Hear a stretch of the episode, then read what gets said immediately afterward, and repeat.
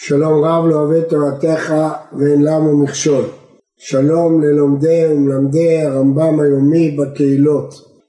זכות גדולה זכיתם ללמד את תורתו של הנשר הגדול שהקיף את כל התורה כולה בלשונו הצחה, הזכה והבהירה ושבדורו הוא ידע שיבואו דורות ורבים רבים יאותו לאורו.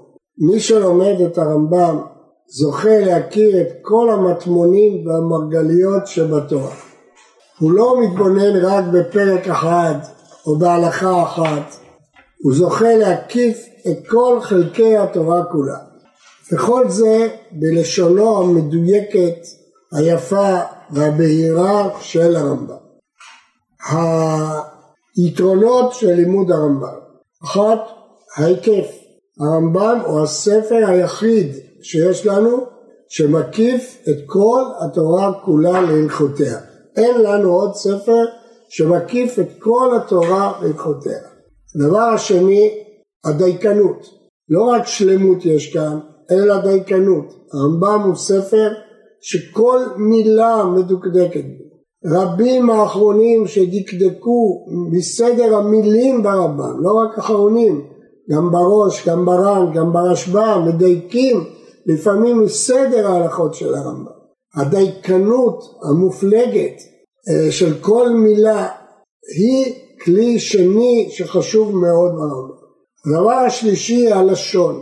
הלשון של הרמב"ם היא צחה, היא בהירה, היא לשון קודש זכה, לשון המשנה, שאדם שלומד בה מתמלא פיוטיות, וכשהרמב"ם מקדיש פרקים על האמונה, כשהרמב"ם מסיים כל הלכות במילות עידוד, כשהוא מקיף את הלכות תלמוד תורה, אנחנו מלאים התרגשות שנובעת מלש... מלשונו המדויקת והפיוטית. דבר נוסף, הרמב"ם לקח חלקים של התורה, קיבץ אותם ממקומות רבים ביותר והפך אותם למשנה סדורה, כדוגמה הלכות תשובה. הלכות תשובה נחשבו להלכות מוסריות שפזורות מאמרים פה ושם בתלמוד, הרמב"ם הפך אותם למשנה סדורה, הלכות תשובה, ספר המדע, הלכות תלמוד תורה, הוא הפך את הלכות תלמוד תורה למשנה סדורה, וכן ההלכות של האמונה שבספר המדע, יסודות עיקרי הדת כפי שהוא קורא, ההלכות של דעות, המידות, המוסר, הרמב"ם קיבץ וריבץ והפך את הכל למשנה סדורה. כל זה בחלקים הרגילים שלו, אבל בשלושה חלקים הרמב"ם מתרומם לגבהים של שיאי פסגה, זרעים, עבודה וטהרה. שלושת החלקים האלה שלא עסקו בהם תקופות ארוכות מאוד חלקים מהם אין בכלל תלמוד בבלי, וחלק הטהרה אין לא תלמוד בבלי ולא תלמוד ירושלמי. והרמב"ם מעיד, וכל אחד מאיתנו יודע שעדותו נאמנה, שהרבה תלמידי חכמים שבקיאים בכל הש"ס, שמגיעים לסוגיות טומאה וטהרה, או לסוגיות כלאיים, או לעורלה, הם מאבדים את ידיהם ורגליהם. והרמב"ם העמיד לנו בניין נפלא בספר טהרה, כשהוא ארגן את כל הלכות טהרה, כמעט יש מאין, ממשניות, מתוספתות, מדרשי הלכה, מקטעים מפוזרים בתלמוד, ובנה בניין אדריכלי משוכלל ביותר של ספר טהרה. הוא הדין בעבודה וקורבנות. בשני הספרים האלה הרמב"ם העמיד את כל הלכות בית הבחירה והקורבנות בצורה שיטתית, מאורגנת, מרשימה ביותר, והכלים שהיו לו, שוב, המשנה, התוספתא, מדרשי ההלכה וחלקים בתלמוד. בסדר זרעים שיש לנו רק ירושלמי, הלכות קשות ביותר בירושלמי בהלכות כלאיים, בהלכות עורלה, הרמב"ם מבהיר אותם, מארגן אותם, מסדר אותם. אמר פעם מי שאמר שאילו הרמב"ם היה בא לעולם רק בגלל ההקדמה שלו לספר טהרה דיינו.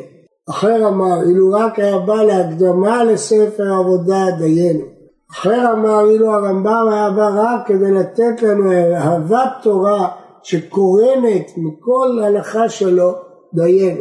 אילו הרמב"ם היה בא לעולם רק כדי לזקק לנו את עיקרי האמונה ולהעמיד את התורה על תהילה דיינו. מי יכול להאמין שאדם אחד בלי עוזרים, בלי מכשירים, בלי מכונות, לבד עם קולמוס ודיו וקלף, כתב את כל התורה כולה על הלכותיה, אסף את כל התורה, תרגם את כולה מארמית ללשון משנה, ארגן אותה בצורה אדריכלית מפוארת והכל בלשון צחה וברורה. הזכות שלכם ללמד בקהילות את כל הרמב"ם היא זכות עצומה ואתם תראו את הפירות שלה בעזרת השם במהרה. אני מעיד כמי שמלמד בכמה קהילות את הרמב"ם כסדר כבר למעלה מ-40 שנה על ההשפעה העצומה שיש על זה על הלומדים גם לאהבת תורה גם לידיעת התורה.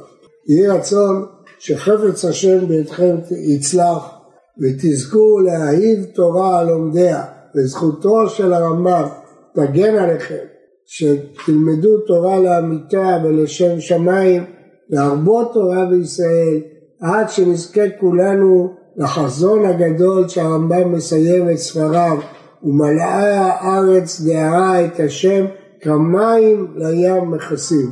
במהרה בימינו יראו עינינו ישמח ליבנו אמן ואמן